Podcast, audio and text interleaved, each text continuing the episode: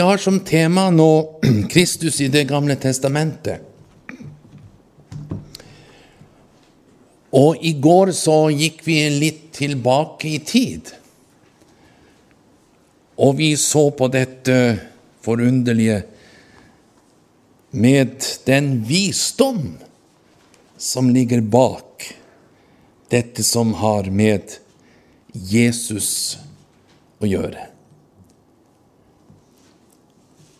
Så vi titta litt inn i eh, hans preeksistensetilværelse, som det heter på fagspråket, altså før tid, fra evighet av, før verdens grunn ble belagt.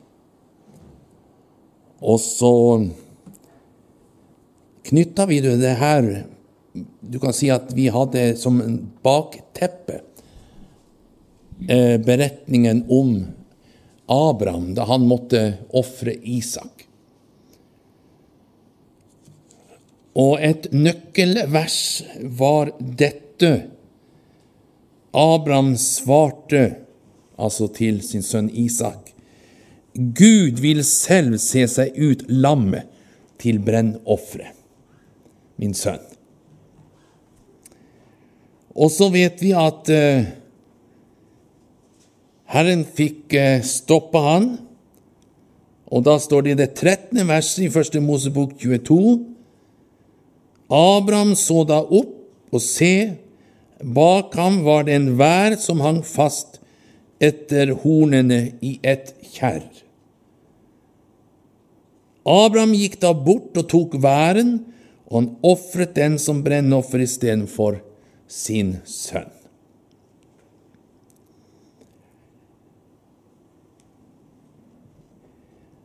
Nå skal vi eh,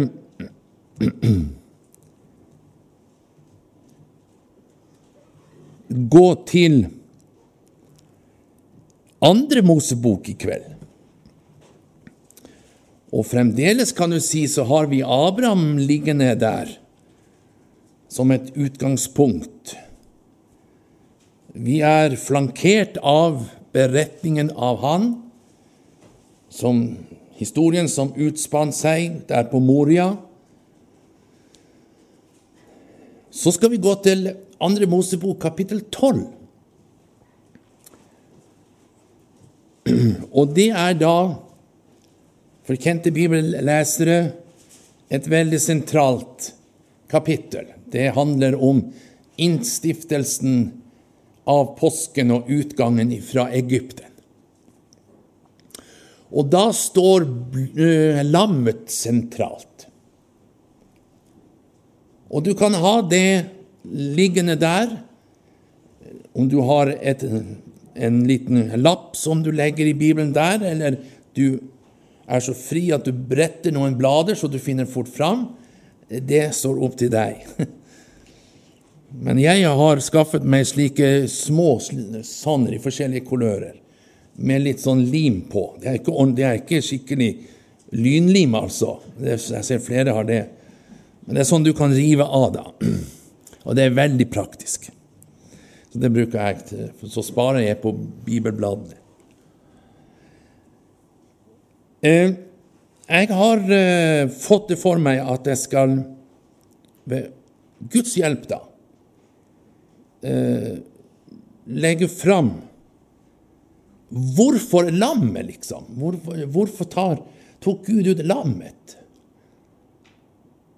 Og det måtte jo da, ettersom vi møter i Bibelen Det er skjult i Det gamle testamentet, men blir åpenbart i Det nye testamentet, bl.a. ved Johannes' forkynnelse. Jeg tenker på døperen Johannes, hvor han konkret peker på Jesus og sier 'Se der, Guds lam, som bærer verdens synd'. Og hvorfor Altså, for, for det ene hva, Hvilke egenskaper knytta Gud til lammet som måtte innfris, og som da ble oppfylt i Jesus? Og som da samtidig så er jo Jesus den som er Han er jo hodet for legemet som er menigheten. Han er grunnlaget for det som menigheten er bygd på. som det står i Matteus 16, på denne klippet vil jeg bygge min menighet. Klippen, altså bekjennelsen til Peter at du er Messias, den levende Guds sønn. Hvorpå Jesus responderer og sier at kjød og blod har ikke åpenbart deg det, men min far i himmelen. Så her er forskjellige ting som, som vi skal se oppfylles i Kristus og i menigheten. For det, for det, det samme egenskaper og lover og regler skal gjenfinnes i menigheten og oppfylles i menigheten. Jesus står jo alene på egne ben som forsoner. Ja, selvfølgelig. Ingen som han. Han var den eneste. Han er den eneste, det eneste offerlammet. Han er vårt påskelam som ble slaktet, ikke sant? Og, og, og han er klippen som fulgte menigheten i ørkenen. Han er unik, sant? Og, og, men samtidig så har vi gjennom han og det han gjorde, fått del i den guddommelige natur. Og når jeg sier det, så sier jeg samtidig at dette sinn skal være i oss. Disse egenskaper, denne natur som var i Kristus Jesus.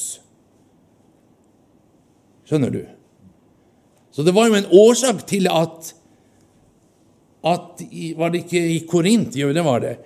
At de, de, de, denne veiens folk, som det først ble, ble sagt om dem, de første kristne, de ble kalt for kristne første gangen, altså. Det var fordi at de lignet på ham. Se hvor de elsket hverandre, osv. De fant altså de, denne Kristus avbildet i de første kristne.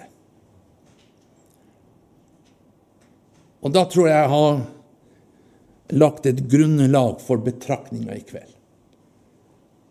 Håper at Herren kan både opplate min forstand og vår alles forstand, så vi kan forstå Skriftene ved Åndens hjelp. Og da står det Herren talte til Moses og Aron mens de var i landet Egypt, og sa:" Denne måneden skal være deres nyttårsmåned. Den skal være den første av årets måneder hos dere. Tal til hele Israels menighet og si:" På den tiende dagen i denne måneden skal hver husfar ta seg ut et lam, et lam for hvert hus. Men dersom en husstand er for liten til et lam, da skal han og hans nærmeste nabo ta et lam sammen etter tallet på deres husfolk. Etter det hver eter skal dere regne folk på et lam.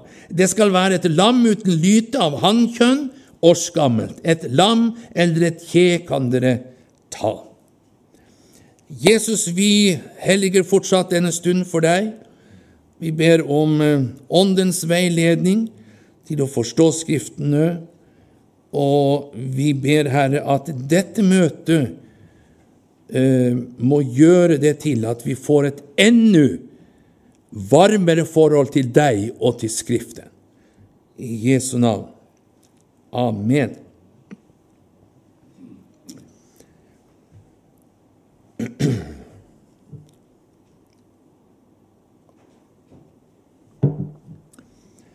For det første så møter vi det her med uttakelsen.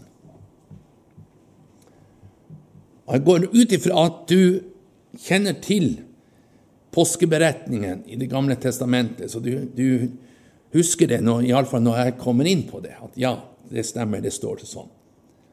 Så, så bruker vi ikke så veldig lang tid til å lese alt det her, men vi siterer. For det første, punkt 1, uttakelsen. Moses fikk beskjed om at hvert hus skulle ta ut på den tiende nisan lammet. Og så skulle det oppbevares i fire dager. Og på den 14. Nisan, altså det tilsvarer vår april, så skulle det slaktes. Og det skulle slaktes mellom de to aftenstunder. Og så skulle dette lammet det skulle ha Det var visse kriterier som skulle oppfylles. Det skulle være uten lyte. Det skulle være årsgammelt. Også når vi ser i loven i 3. Mosebok 11 om forordningen om rene og urene dyr Og det tror jeg at selv om det, om det her, andre Mosebok 12, kommer i tid før tredje Mosebok For tredje Mosebok, da fikk han han fikk forordningene opp på Sinai sammen med tabernaklet. Ikke sant? Så, så um, gikk Gud etter de samme prinsippene. Det er klart. Så han tok ikke ut noe dyr som de skulle ha som offer ved utgangen av Egypten, som gikk på kollisjonskurs med forordningene i Tredje Mosebok. Og hva står i Tredje Mosebok 11? Jo, der står det blant annet, og jeg har lyst til å sitere Alle de firfødte dyr som har klover og har klovene kløvd helt igjennom, og som tygger drøv, dem kan dere ete. Og de skulle jo ete lammet, påskelammet. Ergo måtte det altså oppfylles, det her, og det ble jo oppfylt. Og vi leser gjerne gjennom disse ting uten å kanskje reflektere så mye. Det er jo veldig individuelt, det, da. Men, men da, ting som fortoner seg litt tungt og sånn, det er vi, vi bare skumleser det. Men nå skal vi stanse opp, og så skal vi stille spørsmålet hvorfor var det slik? Ligger det en dypere mening i det her? Og det må jo absolutt gjøre det, ettersom vi finner lammet igjen i åpenbaringsboken. Så må jo det her gå som en tråd gjennom hele Guds plan. Og det som vi har fått overlevert gjennom disse to permene, disse to bøkene som heter Det gamle testamentet og Det nye testamentet. Og Vi ser jo at det, det, det er sammenheng i alt det her en rød tråd. Og I åpenbaringen fem så, så gråt Johannes, for det var ingen som var funnet verdig å åpne boken og seglene. Hvorpå han får beskjed mens han gråter, gråt ikke. Og Da fikk han se en løve. Og jeg kan foregripe anledningen litt. I morgen kveld skal vi snakke om løven.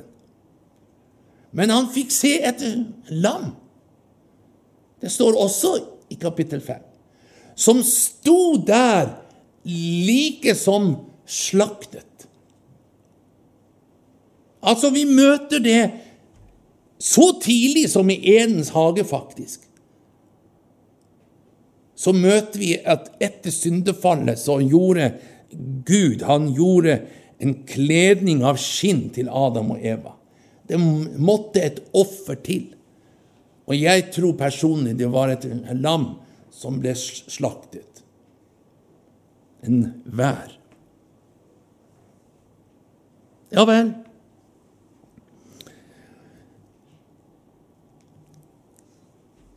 Vi så i går at han utvalgte, Gud utvalgte sin sønn som i sin preeksistensestilling før verdens grunnmål ble lagt, var ordet og var visdommen. Og så, når tidens fylde kom, så ble ordet inkarnert, som det heter så fint. Ordet ble kjød, og det tok bolig iblant oss. Det første Gud skapte når det gjaldt denne verden, var et hannkjønn. Og når han skulle skape den som skulle føre gjenopprettelsens tider inn i den fordervede verden, så var det også et hannkjønn.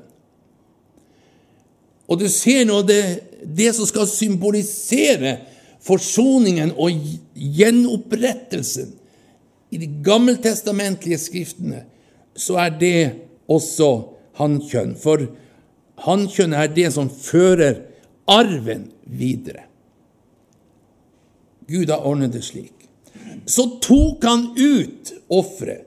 Etter sitt besluttede råd, ifølge Efeserbrevet 1, så tok han ut, og sønnen var villig. Han gav avkall på himmelens herlighet og tok en tjenerskikkelse på seg. Men han kom ikke inn i tiden før etter fire dager, da han skulle ofres. Og i min bibel så står det hos Peter, Peters brev, at at én dag i Herrens øyne er som tusen år, og tusen år som én dag. Og Hvis vi bruker denne nøkkelen, så vet vi jo da at fra Adam og til Kristus så er det fire profetiske dager, altså 4000 år. Så han var tatt ut for å være offer. Men han ble oppbevart i huset, kan du si i fire profetiske dager. Og under den oppbevarelsen er det at vi har Det gamle testamentet. Hvor Gud åpenbarte for sine utvalgte redskaper at det var en redningsaksjon klar, for å si det sånn alminnelig. Verden befant seg i en forferdelig situasjon, men Gud hadde ikke mistet kontrollen. Redningen var underveis når tiden var inne. Og han åpenbarte det. Så tar han jo ut Abraham, og på Abrahams genet så bygger han en ett. Og i åndelig forstand så var det en troens ett. Genetisk sett så var det et folk som For i utgangspunktet så var Abraham ikke jøde. Men Gud tok Abraham ut som hedning, og han for, forvandlet han, kan du si, til de troendes far, og til å bygge på det genet hvorfra den guddommelige eh, etniske ætten som blir kalt for jøder, det er jo egentlig ut ifra Jakob, det tolvstammefolket. Ja.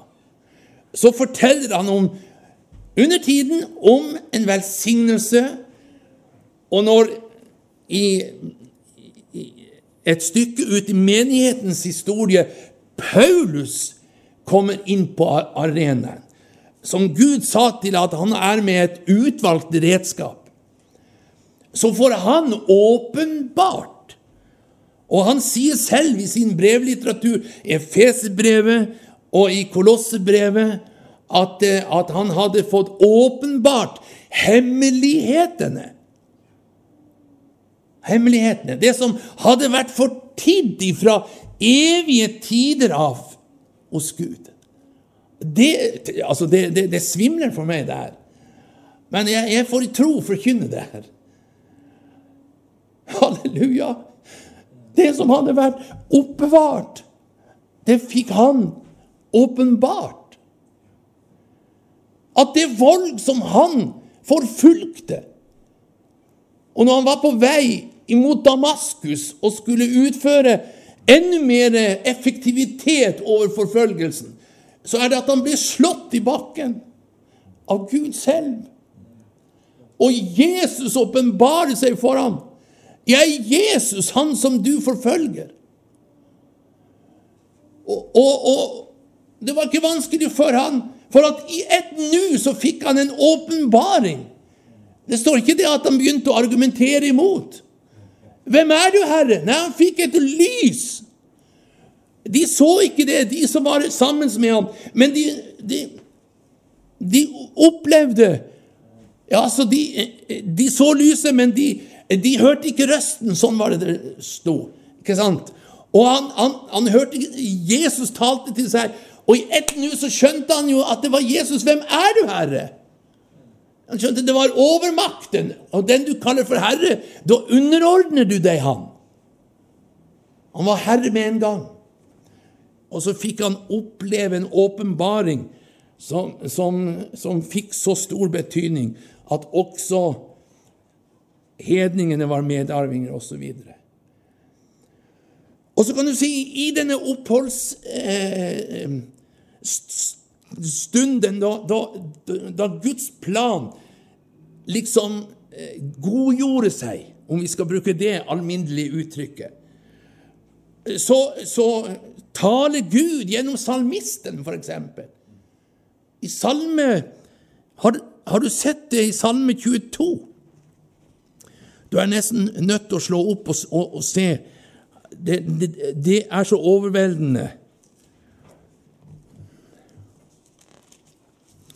Så er det jo som om kong David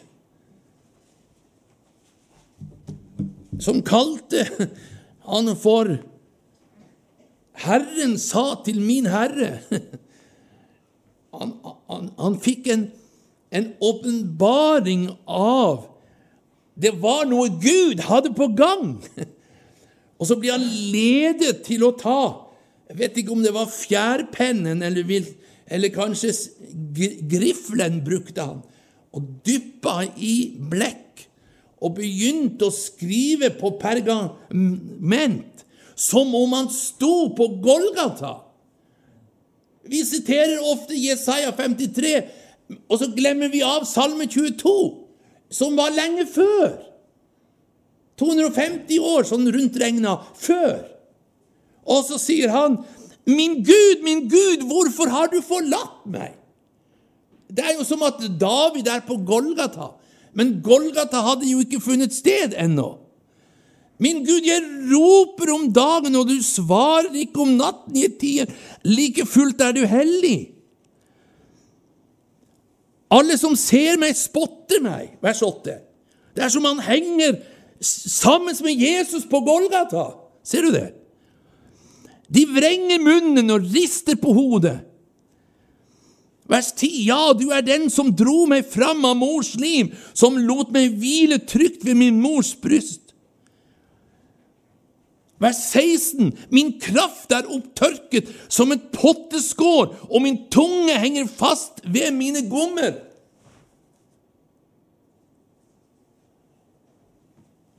Og de, de løftet en stav med svamp dyppet i vineddik. Men de, de, det var sikkert i det øyeblikket som vers 16 her taler om. Han var helt uttørket. Tungen hang fast i ganen. Og de ville yte litt humanisme, sagt i anførsel. Men når han smakte på det, ville han ikke ta det. Hvorfor det? Har du tenkt på det? Det var fordi det var stimuli i det her. Det var en viss form for bedøvelse.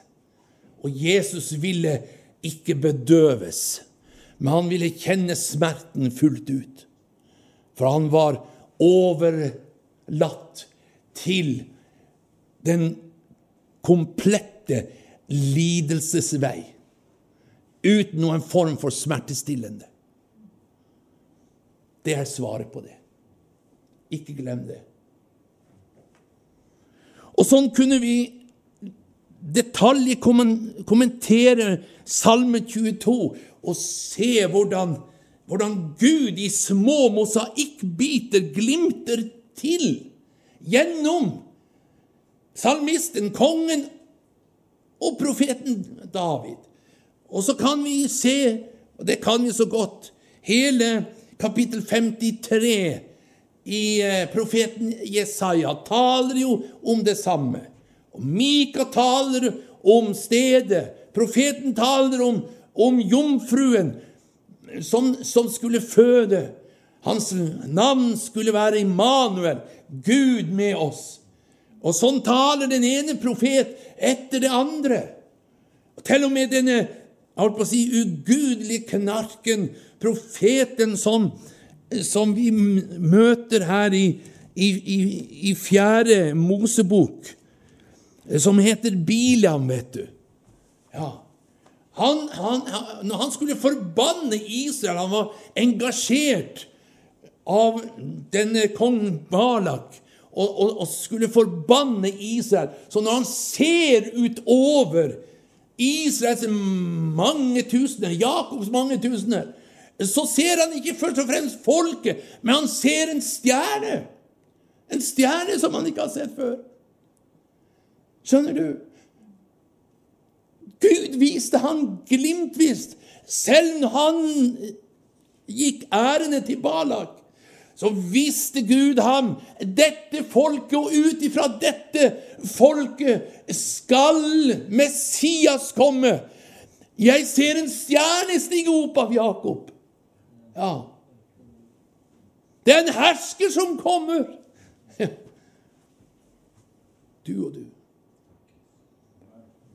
Og så forteller, for å gjøre en 4000 år lang historie kort så sier Bibelen min da tidens fylde kom, utsendte Gud sin sønn. Og ordet ble kjød, og han ble født, som jeg sa i går, for han skulle smake døden for oss alle.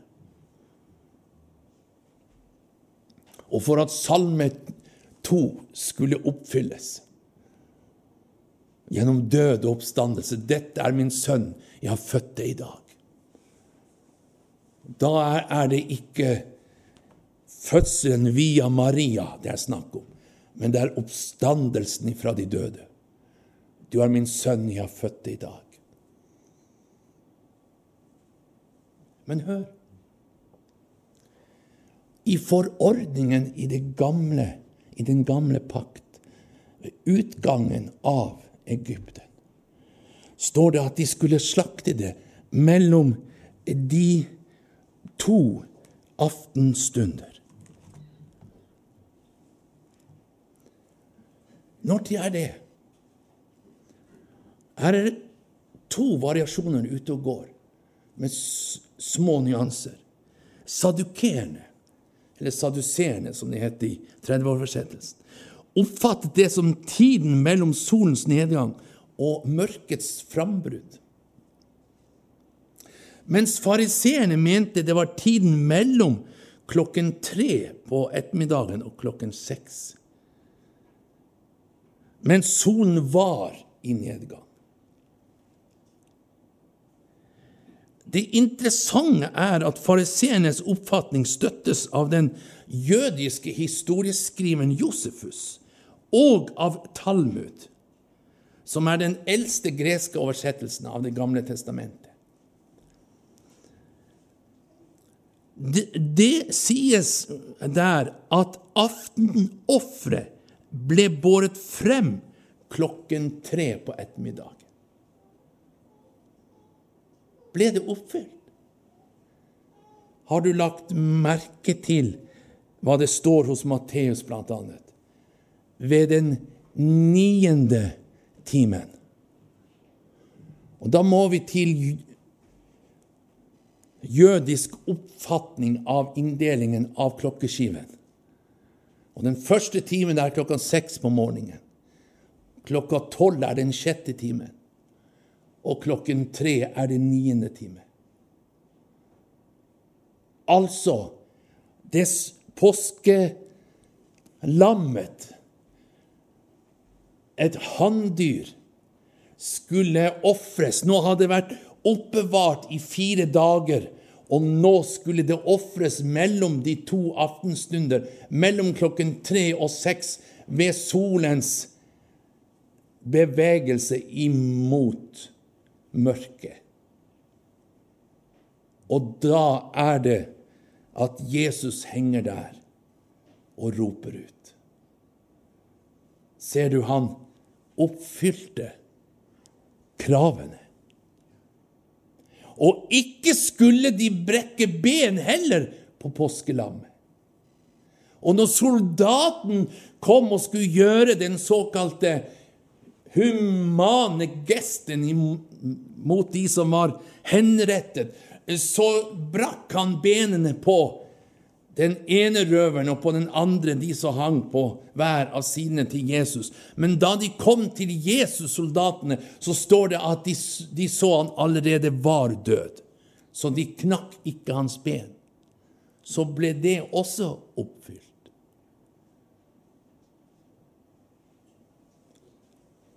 Guds ord stemmer.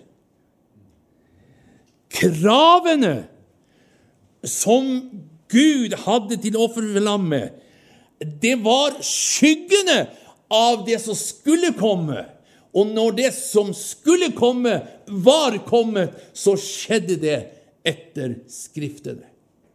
Som Matteus elsker å uttrykke det. For hver stor handling som skjedde ved Jesus, dette skjedde fordi at det skulle oppfylles som er talt ved profeten. Skriften oppfylles. Skjønner du det, min kjære venn, medvandrer til himmelen? Dette er ingen lektyre. Det er ikke noen vanlig bok. Den hele Skrift er innblest av Gud. Og mange, mange, mange har prøvd å sønderrive og finne feil, men det viser seg boka holder mål. Det er sant, som Åge Samuelsen uttrykker det i en sang. Det er sant hvert et ord han har sagt. Halleluja. Tenk en sånn Herre får vi tro på. En sånn bok får vi, feste, får vi feste lit til. Jeg har prøvd, og jeg har erfart. Det er sant.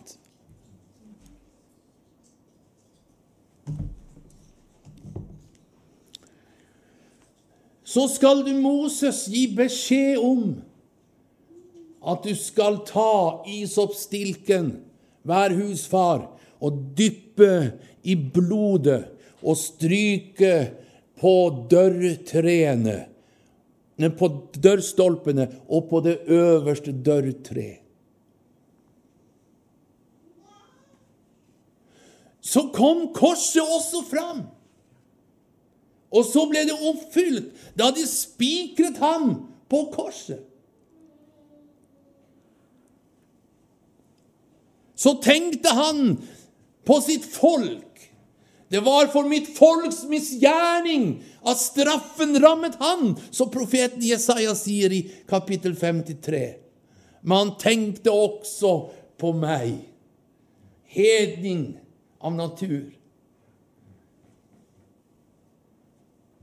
Paulus fikk det åpenbart. Det begynte faktisk med Peter. da han fikk denne duken senkende ned. Det som jeg har renset, skal ikke du kalle for urent. Aldri, Herre, har jeg spist noe urent. Og der var det griseri, holdt jeg på å si.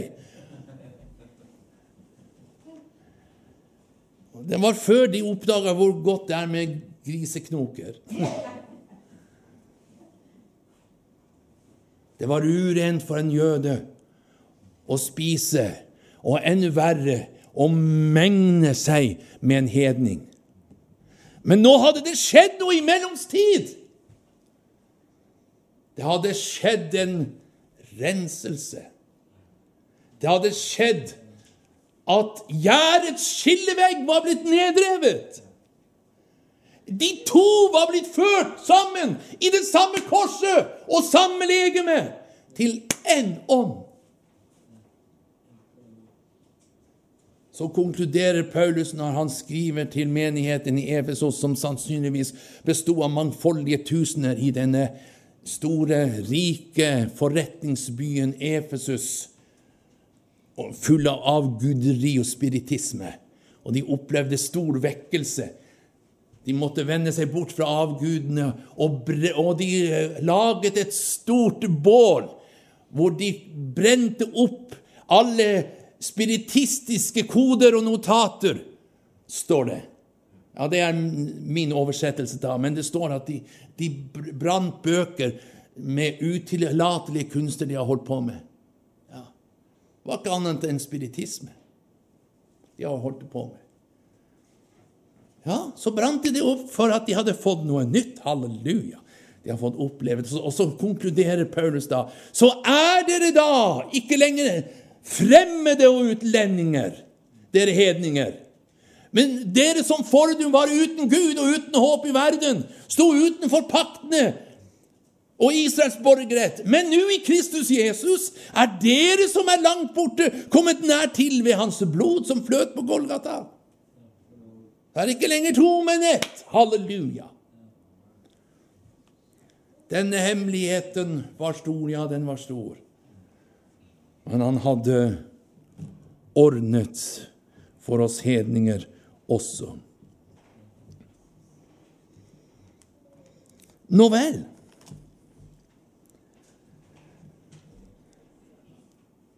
Dette lammet som ble ofret Vi har jo sett hensikten med det.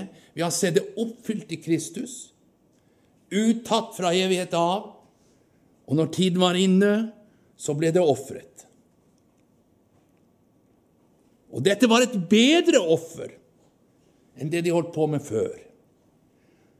Det som de holdt på med før, sier Hebreerbrevet, var en skygge. Og det kunne ikke rense samvittigheten. Men hvor meget mere kan Kristi blod utføre, fritt oversatt.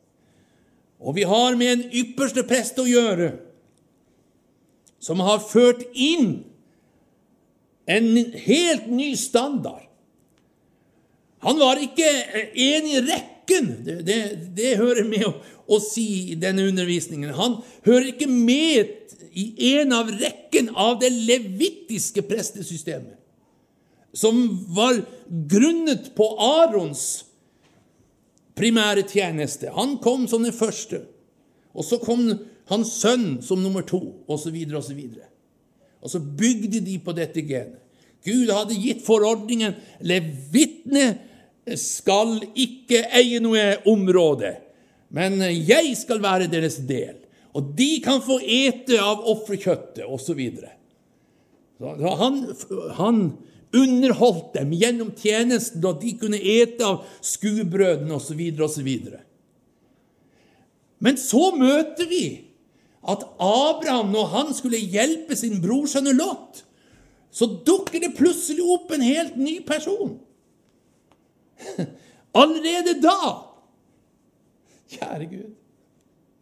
Hvilken fantastisk, genuin genistrek av Gud. For da tenkte han fremover.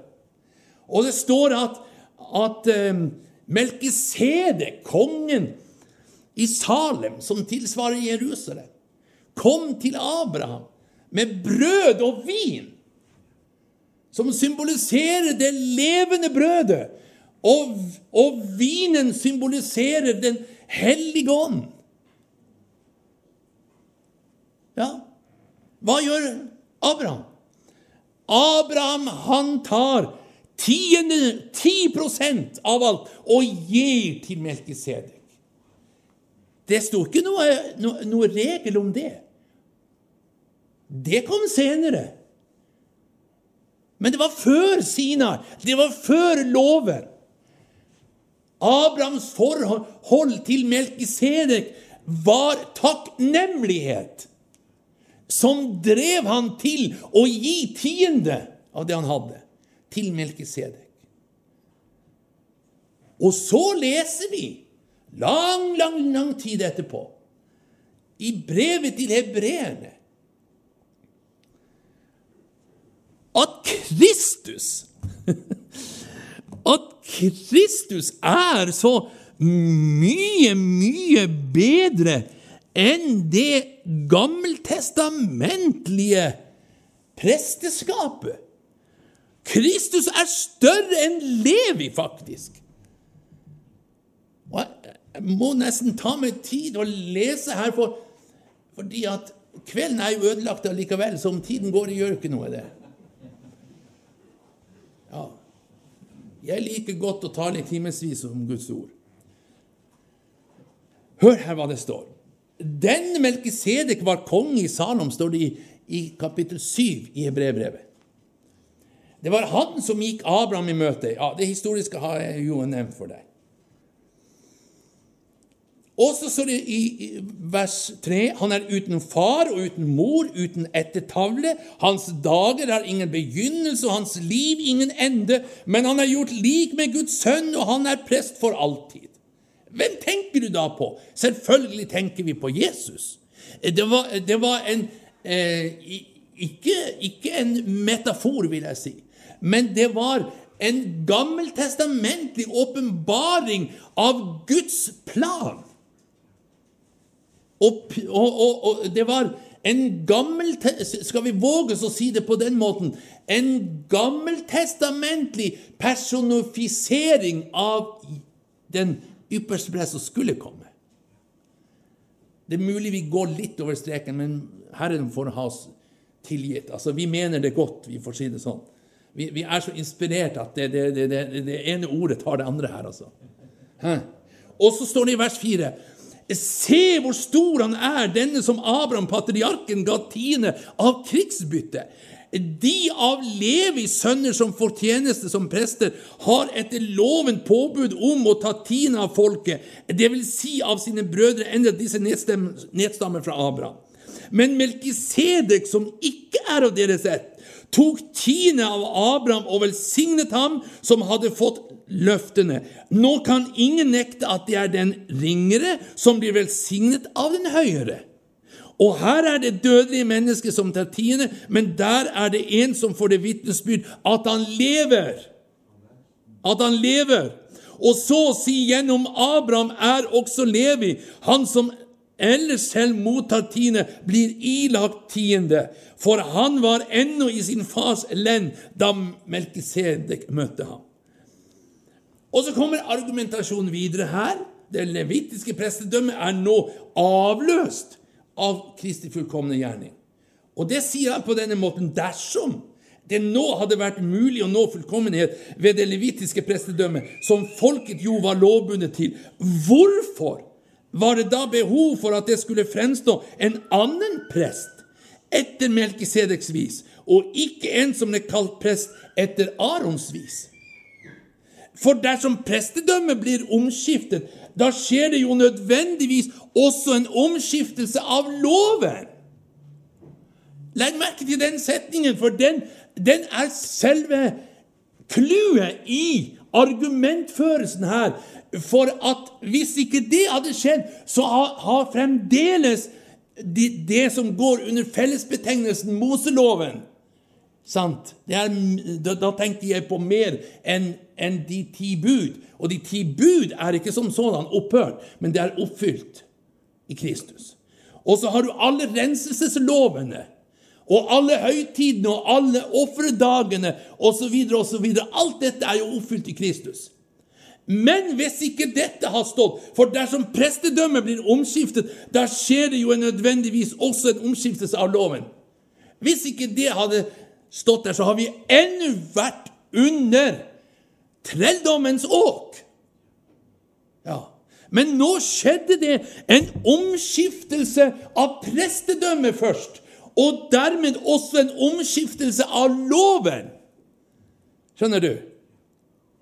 Og det skjedde ved at Jesus kom inn som ypperste prest lik Melkisedek etter Melkisedeks vis.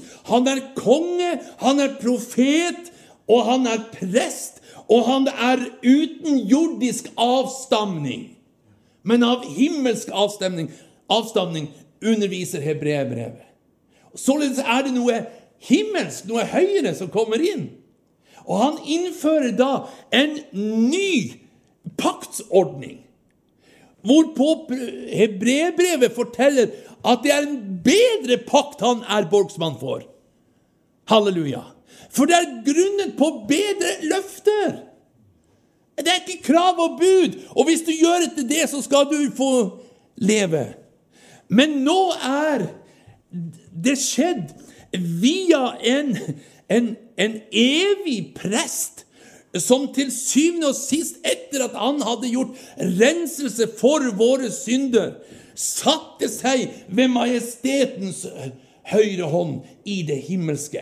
De levitiske prestene, de sto og gjorde tjeneste. Det er vesensforskjell.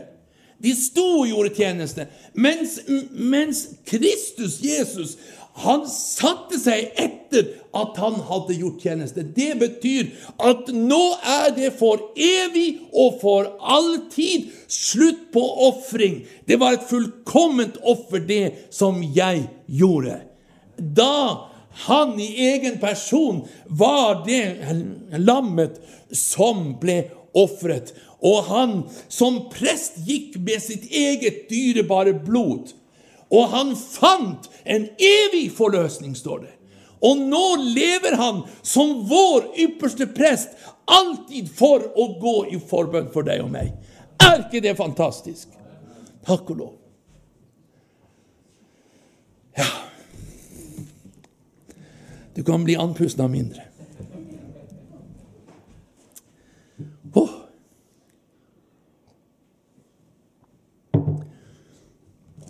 Så det er kommet inn en ny skapning. Det er den himmelske skapningen. Og vi har fått, på grunn av det, lovnad på en himmelsk herlighet. Takk og lov. Til slutt Lammet skulle tygge drøv. Og klovene skulle være kløvd helt igjennom. Kan hende du synes jeg er spekulativ. La oss gå med det. Men det er dog sant allikevel, det jeg kommer til å si. For å ta det første først. Det skulle tygge drøv. Det taler om en spesiell anvendelse av maten.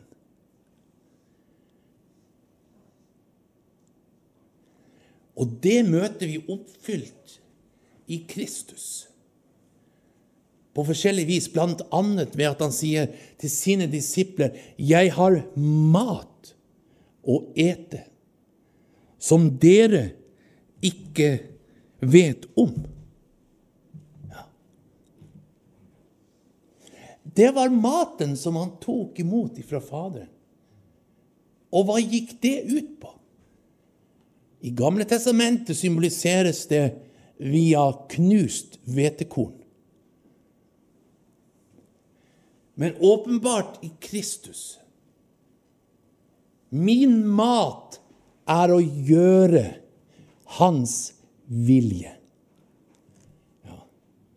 Og vi ser det gjentatte ganger i Jesu gjerning, som kulminerer med Golgata, oppstandelse så ser vi hvordan han, han tar i bruk dette akkurat symbolisert i lammet som tygger drøv. Det betyr at du tygger maten to ganger. For at det er ordnet slik biologisk hos sauen og hos kua, sånn vet vi, at den eter og fyller vomma, og så kommer det opp igjen, for du skal nyttiggjøre deg av maten. Så de, tingene, de ligger og tygger drøv på grønne enger, sauene. Og Det er en dypere mening Gud har forordnet her. Når han tok ut det her, så blir det oppfylt i Sønnen, for det første. Slik som jeg har sagt. Og Maria, som fødte fram Jesus, hun forteller noe som er hemmeligheten til hvordan dette skal oppfylles i menigheten i oss. Hun sier at det står om henne. Hun gjemte ordet i sitt hjerte og grunnet på det. Det er å tygge drøv.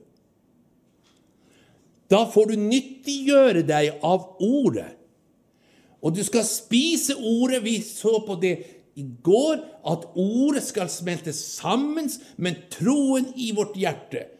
Og det smelter sammen der det er åpenbaringstemperatur. Og det er Den hellige ånds flamme som forordner det. Og så møter vi det, det, det, her i menigheten også.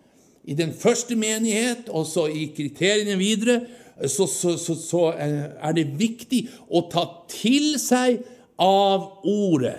For at de ikke skal oppleve at det blir sånn som David uttrykte det. Min sjel er som solsvidd mark, for jeg har glemt å ete mitt brød. Sant? Vi må alltid fylle oss med ordet og tygge drøv på det. Skjønner du? Og da blir, får du ut næringen. Ja. Det, det, det, er greit med andagsbøker og, og, og så videre, men, men det er veldig viktig å ta til seg selv av ordet og få oppleve at ordet blir mat for det at du får åpenbaring i ordet. Det er det prinsippet som, eh, som lanseres her. Og til slutt så står det om disse Det som bar legemet på lammet, var jo disse fire føttene. Og, og hva er det som bærer menighetslegemet? Jo, det ble statuert eksempel i den første kristne menigheten. De holdt trolig fast ved Bibelen, ved brødsbrytelsen, ved brorskapet og ved bønnene. Det er de fire føttene som skal bære menighetslegemet. Og hvis en av disse, bare en av disse blir vanstelt, så blir det en haltende gange. Jeg er ikke så nøye med Bibelen. Ja, da smuldrer du innvendig. Du etes opp innvendig av feilernæring. For, for sjelen din vil ha mat. Og dersom de, den ikke blir matet av Guds ord, så eter den andre ting. Og det er ikke oppbyggende alltid. Heller vi kan si som så at det er ikke så nøye med bønnen. Ja, da kommer du til å kveles åndelig. For bønnen er åndslivets åndepust. Det er kristenlivets åndepust. Det er kommunikasjon med Gud. Det er å høre hva Han sier. Det er å få si til Han, osv. Det er ikke først og fremst lange bønner, men det er å tilbringe tid med Herren. Sant? Ikke først og fremst mange ord. Mange som, som ber så lange bønner at de, de, de, blir jo ikke ferdige, vet du. Og jeg sier ikke at det er galt innenfor lønnkammerets fire vegger, som bare utøser ditt hjerte. Vi skal utøse vårt hjerte. Ja, men i menighetssamlingen så skal vi bruke vett og forstand. Ikke sant? Vi kan ikke be om alt mulig i en offentlig forsamling. Men vi kan be slik at, at det er sunt og visdomsfullt. Og så kan vi heller utøse vårt hjerte når vi er for oss selv. Og så har han også, også ordnet det her med og gitt oss gjennom åndsdåpen tungetalen, som, som, som du kan utøse uten at din forstand skjønner det. Min forstand, sier Paulus, er uten frukt når jeg ber i tunger. Men jeg ber i tunger mer enn dere alle, påsto han. Ja. Hvorfor? Jo, for åndslivet ble oppbygget med det. Så er det ikke nødvendigvis at det må tydes hver en eneste tungetale. Nei, jeg har fått primært tungetalen for å oppbygge min ånd. Og så, hvis det behager Ånden å utruste meg med nådegaver, det er en annen sak som skal tydes. Men i mitt private bønneliv, denne, denne perlen som, som er en av de fire, som skal bære menighetslivet, og som skal bære meg som kristen. Individuelt. Er viktig. Lammet hadde fire føtter. Hadde det tre føtter, så var det lyte ved det. Men det skulle være uten lyte. Så det hadde fast gange, og vi skal ha fast gange. Og hvor går vi hen? Jo, vi går imot høst. Og da vi skal slippe kulden og vinteren, så vi går mot himmelen. Når hyrden som passer på oss, kaller oss hjem. Og så skulle føttene Det var klover som var kløvd helt igjennom. Ta for eksempel kloven, eh, eller foten, som heter bønn, eh, Bibelen. Apostelens lære. Jeg tar bare det eksempelet nå, for tidens skyld. Ja, den skal være kløvd helt igjennom. Det vil si, det skal være skille. Ja, hvordan vil du koble det sammen med læren, med Bibelen? Jo, det finner jeg ganske snart i det samme brevet som vi leste om ypperstepresten. Der står det i kapittel 4, vers 12, at Guds ord er levende og kraftig og skarpere enn noe tveegget sverd. Ser du? Der er kloven kløvd helt igjennom. Så det skiller. Så det skiller. Det betyr at når ordet forkynnes, eller når jeg leser ordet, så skal, skal det foregå en atskillelse i, i mitt liv. For ordet, det brenner. Det er sverd, det er varme, det er ild, det er, og det er alt. Det rettleder meg. Og i forbindelse med det at det rettleder meg, så må jeg skille meg av med ting som hindrer meg i løpet til himmelen. Ikke sant? Så da er kloven knøvd. Og så kunne vi fortsette sånn, både med det ene og det andre. Og Jesus var jo den første som praktiserte det her. For det er jo i han det oppfylles først. Og ja, hva tenker du på da? Jo, jeg tenker f.eks. Når, når han talte f.eks. i Johannes det sjette kapitlet, som kalles for brødkapitlet. Da ender dette kapittelet siste del opp med dette. De syntes at det var en hård tale, og mange forlot ham av de disiplene. Ikke de tolv, men de som var rundt ham. For de syntes at ordet ble for tøft. Og det skjønner du at det, det kjødelige mennesket Jesus sa jo, sa jo til, eh, til Peter Vik bak meg, Satan, sa Neimen, kjære tid, han kunne ikke kalle Peter for Satan. Det var jo Lucifer, den gamle slangen, som var det. Nei, det var, det var, den kjødelige ånd som for et øyeblikk dominerte Peters liv. Det var det han mente. Og den slags tankegang skal vi ikke ha her i disippelflokken. Ikke sant? Og Det som er bestemt av Faderen, at, at jeg skal overgis til bødlene, det kommer til å skje, og det må skje, for at Skriftene skal oppfylles. Så Jesus, han, han forkynte et budskap som kløvde. Ja. Og det gjorde de første også, de første kristne. Og det skal menigheten også i dag gjøre. Vi skal ikke stryke folk, akkurat som vi stryker en hund med hårene. Men vi skal forkynne ordet rent og klart, og det er det som fører mennesket til himmelen. Og ordet forteller at uten at du blir født på ny, kan du ikke se Guds rike. Det nytter ikke med gode gjerninger. Nei, men du må bli født på ny, og da kommer gode gjerninger i åndelig forstand. Amen. Så her eh, er det eh, mange ting som, som vi må justere, og som vi må oppmuntre hverandre til å holde fast ved. Da takker jeg for oppmerksomheten, og jeg vil be en kort bønn. Min sjel, lov Herren og alt som i meg er, love ditt hellige navn. Jeg takker og priser deg, Herre, for at uh, du har gjort alle ting vel Takk for eh, vi har fått opplevet at eh, din velsignelse eh, den er iblant oss fordi at du er midt iblant oss. Og du skal korrigere oss der vi trenger korrigeringer, og du skal la oss få del i enda mer eh, åpenbaringer i ditt ord, Herre, så vi sammen med alle de hellige kan få, få forstand på, få se hvilke høyde og dybde og lengde og bredde det er. Herre, du gir kraft, og du gir visdom, og du gir et eh, åpenbaringsøye ved, ved din gode Hellige Ånd. I Jesu navn. Amen.